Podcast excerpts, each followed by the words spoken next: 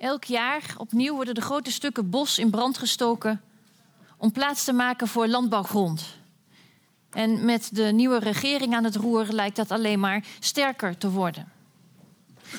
Dat dat erg is, dan, daar zijn we het waarschijnlijk met z'n allen wel over eens. Maar hoe erg dat precies is en voor wie en voor wat. En de vraag naar wat de rol precies is uh, van het Westen. Hè? Wat is onze eigen invloed op wat daar gebeurt? Wat is de invloed of wat is de, de, de, de, wisselwerking tussen ecologie enerzijds en economie anderzijds? Nou, over deze vragen en nog een aantal meer, daar gaan we ons vanmiddag over buigen. En dat doen we met twee wetenschappers van onze eigen Radboud Universiteit. Ten eerste uh, Thomas Eimer, hij is politicoloog. Hij doet onderzoek naar internationale relaties en klimaatpolitiek. En een paar maanden geleden was hij zelf nog in Brazilië en heeft hij over deze kwestie met allerlei uh, partijen gesproken en met eigen ogen gezien hoe heftig uh, het is wat daar, wat daar gebeurt. Uh, de tweede spreker is Hans de Kroon. Hij is plantenecoloog, ook aan onze universiteit. En hij doet onderzoek naar de regulatie van biodiversiteit in ecosystemen. Dus hij kan heel goed aangeven wat er eigenlijk gebeurt als er zoveel bomen, als er zoveel natuur wordt verbrand, zoals nu in de Amazone. Het programma is vrij simpel. Uh, een interview dus van ongeveer 20 minuten. Dat interview dat zal, ik, zal ik zelf leiden. En daarna is er ruimte voor jullie eigen vragen. Mijn naam is Lisbeth Jansen. Ik ben programmamaker bij Radboud Reflect. En ik vind het natuurlijk heel fijn dat jullie hier allemaal uh, naartoe gekomen zijn. Voor ik mijn sprekers uitnodig om hier te komen staan en met elkaar in gesprek te gaan, geef ik allereerst graag het woord aan historicus Peter van der Heijden, die weer een ongetwijfeld prikkelende column voor ons uh, heeft voorbereid. Peter, het woord is aan jou.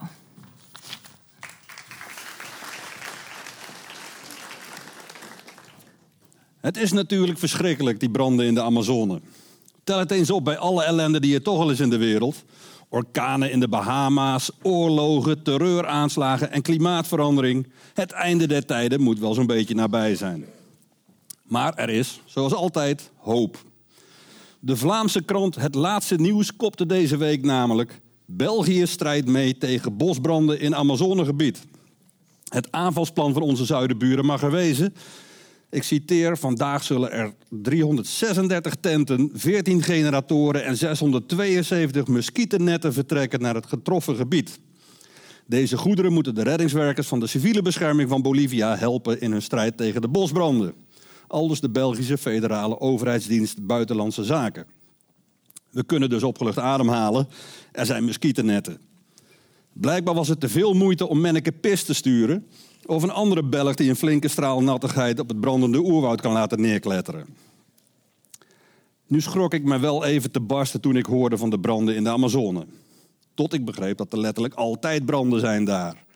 Alleen nu zijn er iets meer, nou ja, heel wat meer. En hebben een paar beroemdheden, zoals acteur Leonardo DiCaprio, de Franse president Emmanuel Macron, voetballer Cristiano Ronaldo en de immer valzingende zangeres Madonna erover getwitterd. En vooral dat laatste maakt dat de branden in de Amazone nieuws geworden zijn. Het aardige is dat de door hen getwitterde foto's juist behoorlijk wat afbreuk deden aan het actualiteitsgehalte van deze Zuid-Amerikaanse en volgens hen zelfs globale ecologische ramp. De tweet van Ronaldo werd geïllustreerd met een foto van een bosbrand ergens in het zuiden van Brazilië, duizenden kilometers verwijderd van het Amazonegebied. DiCaprio en Macron jutten de wereldbevolking op met een foto van een brandende Amazone in de jaren 90 van de vorige eeuw. En Madonna spande de kroon met een foto uit de tijd van nog voordat zij bekend was, maar wel al vals zong, begin jaren 80. Andere beroemdheden bestonden het foto's te twitteren van bosbranden in de Amerikaanse staat Montana, van oerwouden in India en van de eeuwig zingende, maar soms ook brandende Zweedse bossen. Enkel de Hoge Veluwe werd het lot bespaard van dubbelganger van het Zuid-Amerikaanse regenwoud. Maar dat was waarschijnlijk omdat een heidebrand er toch heel anders uitziet dan een heuse bosbrand. Niet dat dit het allemaal minder erg maakt. Het brandt nog steeds in de Amazone en niet zo'n beetje ook. Maar het relativeert misschien wel de acute ademnood van planeet Aarde nu onze longen plotseling in de hens zouden staan. En om nog maar een beetje meer te relativeren, of om het juist nog veel en veel erger te maken. In Centraal-Afrika staat een gebied in lichte laaien dat veel en veel groter is dan de branden in de Amazone. Daar hoor je vrijwel niemand over. Maar ja, in Centraal-Afrika is dan ook geen grote gemeente Bolsonaro. En dat is dus lang niet zo sexy voor die activistische celebs om over te twitteren. Dank u wel.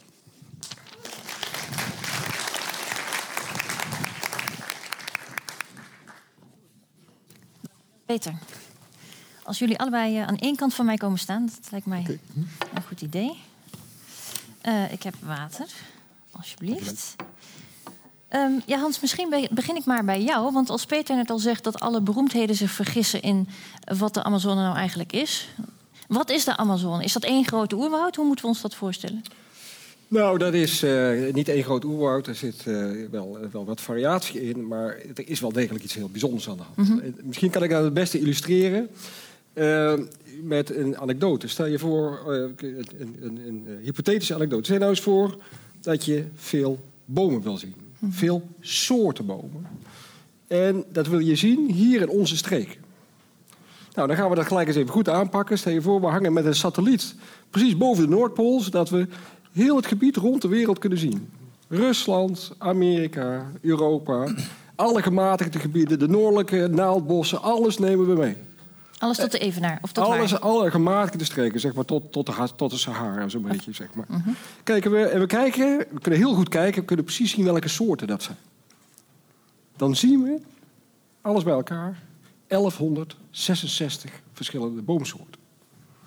Dan moet je wel heel goed kijken en de hele wereld meenemen. Dat is best veel. Dat is best wel veel. Ja. En nou gaan we eens even een heel ander perspectief nemen, want dan gaan we naar Ecuador midden in een ongestoord stukje regenwoud.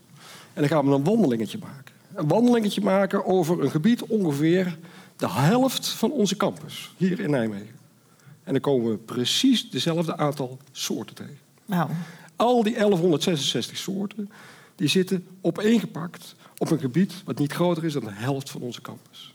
Dat is het idiote van het tropisch regenwoud. Het is onwaarschijnlijk soortenrijk. Ja. Het staat er al vele jaren bovenop elkaar gepakt. Ja. En dat staat nu allemaal in brand. Dus we verliezen per minuut hoeveel ook alweer? Het staat gelukkig niet allemaal nou ja, in brand. Veel. Maar uh, even weer dat perspectief van uh, dat gebied uh, van half onze campus. Nou, hoeveel voetbalvelden zouden dat er zijn? een stuk of 50. We verliezen op het ogenblik elke minuut vier voetbalvelden aan tropisch regenwoud. Dat is de situatie. Ja. En wat, is daar nou, wat zijn de gevolgen daarvan? Nou ja, je moet je realiseren, uh, al die soorten staan opeengepakt. Maar die staan natuurlijk niet helemaal, al die soorten verspreid door het hele regenwoud. Er zijn natuurlijk heel veel soorten, de meeste, die hebben een, een vrij beperkt verspreidingsgebied. Ja. Uh, we komen dus in een situatie terecht, op het moment dat dat regenwoud wordt gekapt en verdwijnt, dat daar soorten bij zitten die we nog niet eens kennen, mm -hmm. niet eens gezien hebben. We weten niet eens wat ze, wat ze zijn. Uh, uh, zelfs alle boomsoorten. In de hele Amazone praten we over pak een beetje 16.000 verschillende boomsoorten. Meer dan tien keer zoveel dan in onze gematigde streken. Zelfs die kennen we nog niet eens allemaal. Wetenschappers zeggen nou, we zouden eigenlijk steeds nog, nog wel, misschien wel een paar eeuwen moeten doorgaan... voor wat we zeker weten dat we ze allemaal te pakken hebben. Ja, dus we dus verliezen een enorme biodiversiteit. We verliezen dus een enorme biodiversiteit. En dan heb ik het nog niet eens gehad over andere planten, over lianen, over insecten, ja. over vogels. Ja. En over zoodieren. En mensen? Want, mensen. Ja, dan gaan we, over de politiek gaan we het dadelijk hebben. Alles over mensen. Mensen maar, weten maar, niet zoveel van. Maar de, maar de Amazonen zijn niet, zoals we lang hebben gedacht, de longen van de aarde. Dat is een heel ander verhaal. Ja. Daar komen we misschien zo meteen nog op terug. Ja, of nu? Ja. Nou ja, ik bedoel maar, wat is het gevolg voor de mensen, behalve is, voor de inheemse ik, bevolking? Ik, ik, krijg altijd, ik krijg altijd een beetje pukkeltjes als mensen zeggen: ja. het zijn de longen van de aarde. Het is sowieso een hele rare vergelijking. Uh, even heel in het kort. Uh, nou eens voor dat dat Amazonewoud dat dat niet meer groeit. Dat het helemaal netjes stilstaat. Mm -hmm. Weet je wel? Ja, natuurlijk. Uh, een boom groeit wel, maar een andere boom valt om. En die wordt afgebroken. Uh, en, en, en, daar ontstaat weer iets nieuws. Netto groeit dat niet. Mm -hmm. nou, als dat netto niet groeit... Er gebeurt van alles. Er gaat ja. een enorme hoeveelheid CO2 uh, wordt opgenomen. Ja. Daar wordt zuurstof mee geproduceerd. Ja. Maar ja, voor elk nieuw blaadje wat groeit en wat CO2 produceert, Ja. is een ander blaadje wat afgebroken wordt, waarbij die CO2 uh, uh, weer vrijkomt. Dus een volgroeid bos houdt zichzelf eigenlijk in stand. Het levende blaadje produceert zuurstof. Ja. Als het afgebroken wordt, wordt de zuurstof weer opgenomen. Netto levert dat geen zuurstof op. Nee. Nee. Dus daar moeten we het helemaal niet over hebben. Uh, Nou ja. Er zijn zoveel meer belangrijke en interessante dingen om het regenwoud te beschermen. Eh, maar niet omdat het zo vreselijk veel zuurstof produceren. Dat is helaas niet het geval. Nee, maar de gevolgen zijn dan misschien niet dat de zuurstofhoeveelheid op de aarde afneemt, maar wel dat er natuurlijk een enorme hoeveelheid CO2 vrijkomt. Ja, eh, het zijn dus geen eh, grote eh, machines die me- CO2 opnemen. Mhm. Hele jonge, groeiende bossen doen dat wel.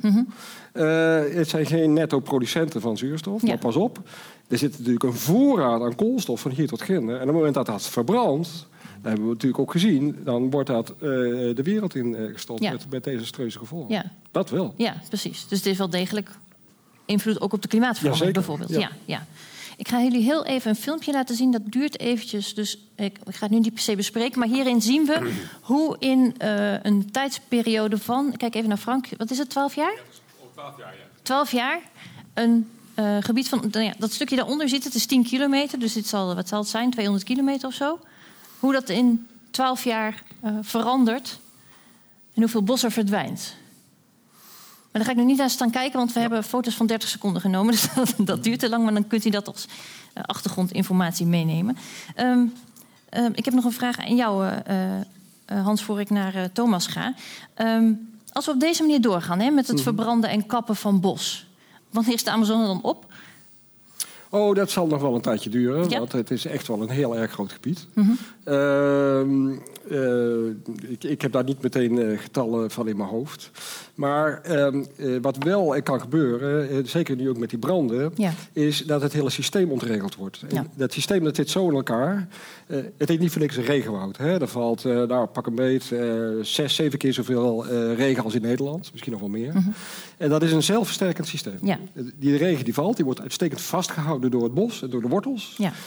Dat verdampt weer, komt weer als waterdamp in de lucht en valt weer als regen naar beneden. Dat is een zelfregulerend systeem.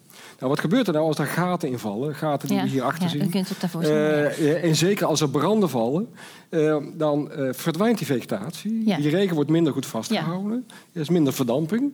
En wat een positieve spiraal was voor dit systeem, wordt een negatieve Ja. spiraal voor dit systeem. Dus het het zou- systeem zakt sneller in elkaar. Ja, dus het zou kunnen dat ook al stoppen we op een gegeven moment met branden... of in ieder geval hè, zeggen van nou, Ja. we laten het zoals het is... dat het systeem dusdanig verzwakt is dat het oer- alsnog verdwijnt. Ja, nou, we zien vooral dat die branden nu zich afspelen, vooral ik zeg, aan de randen van het hele natte gebied. Precies Mhm. in die overgangszone tussen nat en droog. We hebben nog wel weer, we noemen dan een eh, seizonaal regenwoud, Ja. met een droge periode van nature. Ehm, en ja, die, eh, dat gaat langzaam oprukken. Ja. Eh, en ja, dat, dat vind ik wel heel gevaarlijk. Want Ja. los van de kap zelf heb je dus kans dat het systeem ontregeld Ja. wordt. En wat moeten we nu doen om dit tegen te houden? Ja, maar lekker ophouden met kappen. Kap, ophouden met kappen. En misschien wat minder eh, soja bestellen uit eh, Brazilië. Ja. Dat eh, Precies. komen we al heel snel op het... eh, ik ging die volgende, diezelfde Ja. vraag aan jou stellen. Wat, Ja. wat moeten we nou doen om het tijd te keren? Dat is een beetje ingewikkeld. Ik ben minder soja kopen. Ik weet niet of dat zo makkelijk is. Um, ik denk wat belangrijk is, is om te weten dat ik, met Brazilië en andere Zuid-Amerikaanse landen hebben wij landen waar ook een grote bevolking is, die ook een bepaalde welvaart wil hebben, Ja. die ook een bepaalde groei wil hebben, Ja. die net zoals wij een televisie willen hebben, een auto wil hebben, af en toe een vakantie wil gaan. Ja. En je moet de mogelijkheid hebben om deze mensen de mogelijkheid te geven, ja, dit soort geld te verdienen, een ontwikkeling te hebben Ja. enzovoort. Maar dat kunnen ze toch ook op andere manieren doen? Ja, en dat is precies het probleem. hè. Ik ben, ähm, wij hebben hier, als je naar Europa kijkt of naar de VS kijkt, hebben wij een ontwikkeling van industrialisering over ongeveer drie- 200 tot 300 jaren. En deze ontwikkeling is heel stapjesgewijs gegaan. Hè. Ähm, äh, er zijn bepaalde innovaties gedaan worden en deze innovaties zijn daarna gemaakt worden van andere bedrijven. En eh, dan hebben ze deze nieuwe bedrijven de innovaties verbeterd Ja. en nieuwe producten ontwikkeld enzovoort enzovoort. Äh, bijvoorbeeld, en je kunt zien dat in Zwitserland heb je aan de grens tussen Duitsland en Zwitserland de hele farmaceutische industrie zitten. Dat is omdat Zwitserland geen octroien, geen patenten kende. Octrooien, en ja. daarmee ähm, alle innovaties na kunt maken. En eh, sinds 1994 hebben wij de verdragen van de internationale ähm, handelsorganisatie. En ähm, alle ontwikkelings- en nieuwe industrielanden zijn meer of minder gedwongen dat zij de innovaties vanuit de westerse wereld niet kunnen namaken. Dat betekent, Ja. we hebben sinds ongeveer 1994, 1994 een situatie dat eh, een technologische vooruitgang, zoals wij het gezien hebben, bijna onmogelijk gemaakt wordt. En wat gebeurt dan? Ik meen, als je niet de mogelijkheid heeft technologisch af, uh, verder zich te ontwikkelen, dan moet je andere mogelijkheden zien om geld te verdienen. En dan is landbouw ja, feitelijk de enigste oplossing die blijft. Ja, dus de Brazilianen zijn min of meer gedwongen om dit te doen. Ja, omdat ze meer landbouw nodig hebben om zich ook economisch te kunnen ontwikkelen. Ja, ik meen, uh, de Arbeiderpartij, toen zij aan de regering was, heeft veel meer terende branden gedaan. Mm heeft veel meer terende ontbossing gedaan. Mm -hmm. Maar zelfs de Arbeiderpartij heeft eigenlijk niet, niet stap kunnen zetten, omdat de drukte zo hoog is om meer geld te verdienen. Ja, ja. Wie, als we nu heel praktisch kijken, wie steken nou die branden eigenlijk aan? Nou, ik denk, uh, het is altijd moeilijk, maar um, wat ik wel gezien heb, is dat de grootgrondbezitters een grote belangstelling voor de branden hebben. Mm -hmm. uh, wettelijk zijn de grootgrondbezitters um, verplicht, um, afhankelijk van de regio, in precies deze overgangsgebieden tot met 20% van hun land uh, niet voor landbouw, maar voor natuurbescherming te gebruiken. In de oerwoud zelf zijn het 80 Mm -hmm. Dat betekent, een boer moet 80% van zijn land voor milieubescherming gebruiken. En dat is natuurlijk um, land wat je niet zo meteen voor de economie kunt gebruiken. En daarom hebben de boeren, de grootgrondbezitters, belangstelling dat minder um, oerwoud is, minder bossen zijn, om ja. dit land dan voor soja of veefokkerij um, te gebruiken. Ja. En ja, zij steken het land soms zelfs in brand. Maar soms heb je ook um, mensen die geen land hebben. Die, um, dat was net uh, vandaag nog in de Folia Sao Paulo. Dat mensen um, in Rodonia, dat zijn landlozen, zij zijn naar een bepaald stuk land gegaan en hebben met het brand gestoken om dan een beetje te bedrijven. Ja. En zij zeiden, ja, um, wat zullen wij doen? We hebben niets te eten, we, hebben ja. niets, uh, we moeten ook een beetje geld verdienen. En we hebben een beetje geld van de grootgrondbezitters gekregen dat wij dat doen. Ja. ja. En, en, Bolsonaro zegt het ja ook, dat wij het kunnen. En uh, ja, dan doen we dat. Ne? Ja. Je vertelde ook uh, in, een, in een eerder gesprek dat, nou ja, dat je met Frank had, dat weet ik dan weer van Frank, ja. um, uh, dat er een hele sterke verwovenheid is tussen de mensen die het land bezitten, de grondbezitters, en de politiek. Dus het is ook niet alsof de politiek heel makkelijk kan zeggen: stop daarmee. Nee, um, je kunt niet ervan uitgaan dat politiek en um, landbouwbedrijven gescheiden zijn. Mm -hmm. Dat is natuurlijk afhankelijk van de provincies. Ja. Maar in de provincies waar de landbouw heel sterk is, met name Mato Grosso en Mato Grosso do Sul, um, je moet geen Marxist zijn om te zeggen dat het agrarkapitaal en de staat eens zijn. Mm -hmm. Bijna alle ministers zijn van heute vertegenwoordigers van de landbouwbedrijven. Uh, met enkele kleine uitzonderingen zijn de parlementen alleen vol met mensen die uit de agrarlobby komen. Oh, ja. Iedereen heeft een dubbele pet. Ja, ja, de politie is, of de politie van, het, van de provincie zelf, is in de hand van de landbouwbedrijven. Mm. Mensen die tegen de landgrondbezitters aangaan, worden afgeluisterd, ja. worden vermoord. En de politie doet niets erteren. Soms draagt ze nog bij bij de vermoording. Ne? Ja. Ja. Dus, ja, staat en het agrarkapitaal zijn eens daar. Ja. En, en, wat is nu de invloed van de nieuwe regering? Um, is het inderdaad erger? Ja nee. Um, ik heb met mensen vanuit de inheemse bevolking gesproken en zij zeiden, nou, feitelijk heeft zich niet zoveel veranderd. Mm -hmm. uh, het is nog steeds hetzelfde. Mm -hmm. ja. Maar wat ik, ik denk, wat zich wel verandert uh, met de regering van Bolsonaro, wordt uh, het beleid van de grootgrondbezitters gelegitimeerd. -hmm. Tot nu was het altijd, oké, okay, bosbranden zijn erg ja. en eigenlijk mag het niet, bla bla, internationale uh, klachten enzovoort. Ja. Maar nu heb je een president die zegt, nee, dat is goed zo. Ja. Wij moeten ons ook ontwikkelen. Ja, we moeten ons ook ontwikkelen. Dat gaat voor. Ja. En dat um, geeft mensen, of moedigt mensen aan. Mm -hmm. En dat is de ja. versterkende Ja, en je zei net al kort, hè, we zijn hier in het Westen ook een beetje hypocriet... want we roepen met z'n allen stop die branden... en tegelijkertijd houden we het op een bepaalde manier in stand. Kun je ja. daar nog iets meer over ja, zeggen? volgens mij zijn we op verschillende manieren hypocriet. Ne? Aan de ene kant, zoals gezegd, hebben, hebben wij deze structurele invloed. We maken het onmogelijk dat landen zoals Brazilië ontwikkelingen hebben zoals wij zij Mhm. hadden. Ne? Het is een beetje echt een afsnijden van ontwikkelingspaden wat wij doen... om onze industriegoederen te exporteren... en op deze manier winst voor onze bedrijven te hebben. Ja. Maar dan zijn we ook zo meteen indirect, en sorry, vooral ook Nederland mee betrokken. Um, de grootste financiers van de grootgrondbezitters in Mato Grosso do Sul zijn um, de Rabobank, zijn andere Nederlandse banken. Uh, het uh, hout wat uh, in afgebrand, of wat niet afgebrand wordt, wat zo genomen wordt, wordt naar Nederland geïmporteerd van grote bedrijven. Maar ook de Deutsche Bank is heel bezig ermee. Dus het kapitaal komt uit het Ja. Westen. Ja. Erger nog, um, hier Monsanto bijvoorbeeld, dat is een grote Ja. Farmaceutische bedrijf. Zij produceren het glyfosaat en het glyfosaat wordt dan over de dorpen van de mensen verspreid en de mensen sterven ervan. Mhm. De dood is meestal uit Duitsland, geldt nog steeds. Dat is, ja, wij Ja. zijn echt eh, zo meteen erbij. Ja, nou denk ik, en heb ik het van jullie allebei gehoord, en denk ik, kan ik niet zelf iets doen? Dan ga ik volgende week, is niet waar, maar stel je voor, ik vlieg Mhm. naar, eh, weet ik veel, Australië. Dan heb ik zo'n mooi, is er zo'n mooie regeling, hè? kun je een bepaald bedrag doneren en daar worden dan bomen voor geplant. Helpt dat? Is, dat is heel gevaarlijk. Oh. Ähm, ähm, äh, precies deze carboncompensatieprojecten zijn wat ik eigenlijk wilde onder- onderzoeken toen ik daar naartoe ging. En het probleem is, ähm, als je dit soort scheve machtsverhoudingen op lokaal niveau hebt, ähm, de mensen die met carbon compensation bezig zijn, zij moeten ja irgendjemand iemand vinden met wie ze kunnen coöpereren. Ja. En eh, feitelijk zijn dat alleen maar de grootgrondbezitters. Dus als de grootgrondbezitters niet meedoen, dan kunnen dit soort projecten niet doorgevoerd worden. Dus zelfs deze En, eh, ja, duurzaamheidsprojecten Ja. werken Ja. samen met de mensen die daar het land in handen meen, hebben. Ja, en dat betekent dan in de praktijk vaak ähm, dat eh, de milieuorganisaties die met dit soort projecten bezig zijn, ähm, dat zij dan met de grootgrondbezitters samenwerken. En als daar inheemse bevolkings, mensen van de inheemse bevolking wonen, ja, als ze dan verdwijnen, zo be it. Ja. Hè. Eh, ik Hans? zal niet zeggen dat ze zo meteen de mensen vermoorden, dat klopt niet.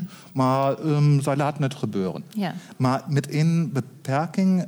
Er zijn enkele projecten die iets beter lopen. En dat zijn de grote projecten die vanuit de ontwikkelingsbanken en zo voorgevoerd worden. Daar heb je wel de mogelijkheid voor de inheemse bevolking zich een stukje mee in te brengen. En inderdaad ook een beetje bescherming te krijgen. Ja. Maar om de prijs dat zij dan echt in de bossen moeten blijven en eh, bijvoorbeeld geen tractor mogen kopen. Oké, oké. Dus een beetje zoals de maffia. Ja, ik Ehm, wil heel erg graag dat je- een reactie van Hans. Ja. Ja, eh, herbebossing, eh, eh, eigenlijk je, je CO2 afkopen. Ja. Ehm, dat zal vast op een aantal plaatsen goed gaan.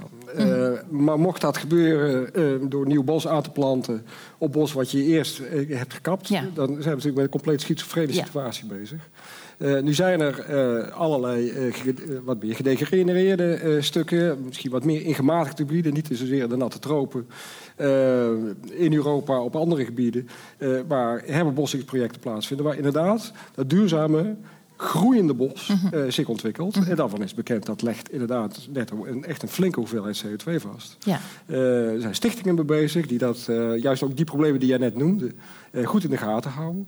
Eh, dus op het moment dat dat gericht wordt ingezet, dan kan het, nou ja, dan doe je in elk geval wat. Ja. ja. Dus als ik vlieg, dan misschien toch maar wel deze regeling, maar dan goed ja, kijken ja, ik mm, durf met welke niet te zeggen of dat al overal goed wordt ingezet. Nee. Zo zit ik er niet in. Nee, Maar nee. eh, het- ik weet dat er eh, stichtingen zijn Ja. eh, die deze problemen onderkennen. Ja. En zorgen dat de herbebossing plaatsvindt op echt een duurzame en ook een, een manier Ja. die echt werkt. Ja. Ja, het is niet zo zwart-wit. Ne? Nee. Ik ben mee eens, er zijn organisaties die daar echt rekening mee houden. Maar ik zou zeggen, het hang- hangt echt van de lokale machtsverhoudingen af. Ne? Als je een situatie hebt waar alle macht bij de grootgrondbezitters eh, Ja. is, dan kunnen ook deze organisaties niet anders dan met de grootgrondbezitters samenwerken. Ne? En gezien dat zij eerder de natuurbescherming dan in de mensen geïnteresseerd zijn, doen ze dat dan ook. Ne? Ja. Als de machtsverhoudingen minder scheef zijn, als de inheemse bevolking of andere lokale groepen wel een soort van mogelijkheid hebben zelfs iets te zeggen, dan is het een beetje genuanceerder Ja. en dan kan het echt naar een samenwerking leiden. Ja. Dan gaat ons vlieg, vlieggedrag natuurlijk sowieso niet alles veranderen. Wat moet er wel gebeuren? Misschien op een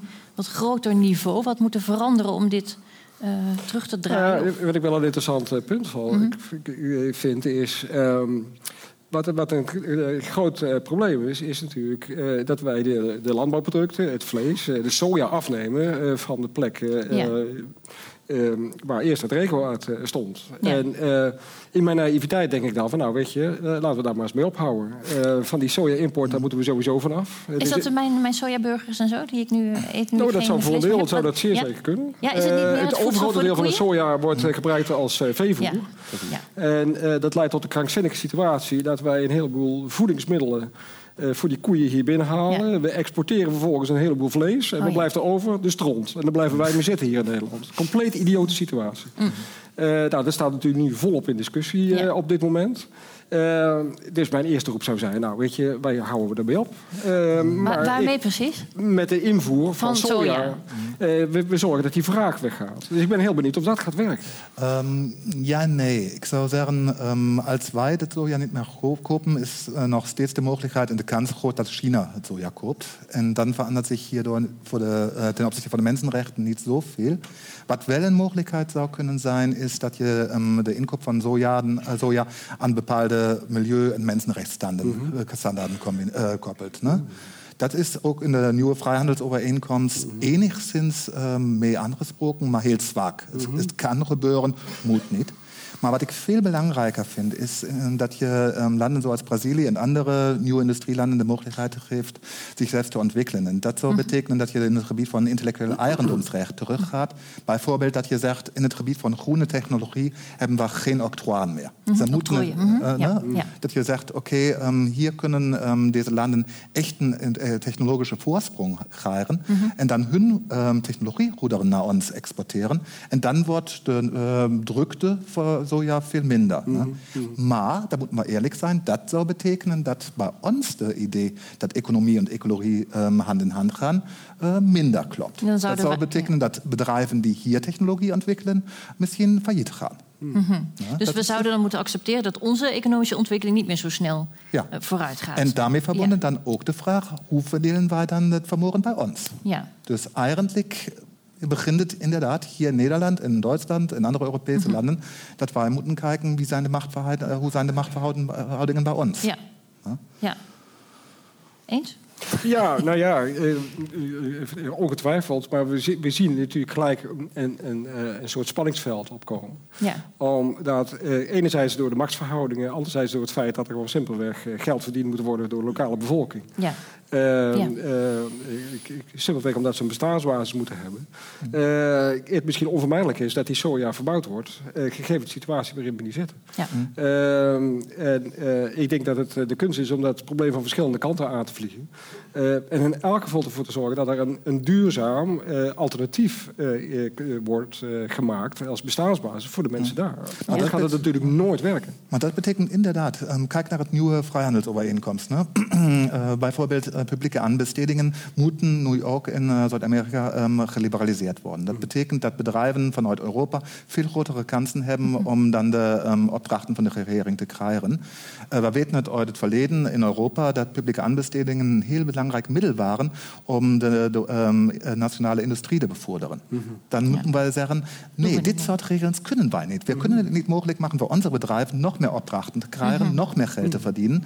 En daarmee um, het voor bedrijven daar onmogelijk te maken um, selbst geld te verdienen, werkgelegenheid te creëren en op deze manier um, minder in het landbouw te gaan. Ja, dan moet in ieder geval dus ja, maar... op internationaal vlak heel veel ja. gaan veranderen. het heeft geen zin als wij als individu of wij alleen maar als Nederland iets Nou, zeg maar, Nederland is deel van de Europese Unie. En um, op deze manier heeft Nederland ook een stem bij vrijhandelsovereenkomsten. en op deze manier heeft um, ook de Tweede Kamer wel inspraak en de mogelijkheid um, invloed te nemen op wat er Europa doet. En op deze manier wat dan in Zuid-Amerika gebeurt. Dus nee, we hebben okay. niet, niet, niet uh, Vooral ook goed nadenken waar je wat doet. Brazilië is een groot land.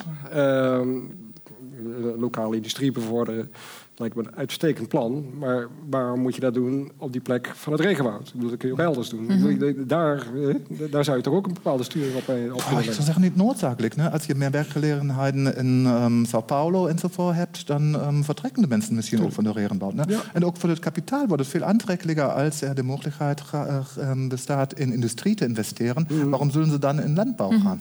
Ja. ja. Dus uh, nee, dat kan wel en dan kun je de um, bossen ook beschermen. Oké. Ja. Dat, dat, is ook geen zeg maar, oplossing voor alle problemen. Je hebt dan nog steeds het probleem wat doe je met de inheemse bevolking en hun rechten enzovoort. Ja. Ja. Ja. Maar zeg maar, de grootste drukte kun je op deze manier um, dan uh, oplossen. Ja. Oké. Heel erg bedankt Hans de Kroon en Thomas Eimer dat jullie hier waren en jullie uh, kennis met ons wilden delen. Leuk dat jullie er waren. Ik wilde nog twee dingen zeggen. Oh ja, het eerste is dat een opiniestuk van Thomas en zijn masterstudenten, wiens naam ik even vergeten ben, nu op uh, de website van Radboud Recharge staat. Dus willen jullie nog iets meer uh, erin verdiepen, dan kun je die lezen. En wij zijn hier volgende week, same time, same place, ehm, met een academic affair over het boerkaverbod. Dus als je dat interessant vindt, welkom. En uh, ja, fijne dag nog. Tot binnenkort.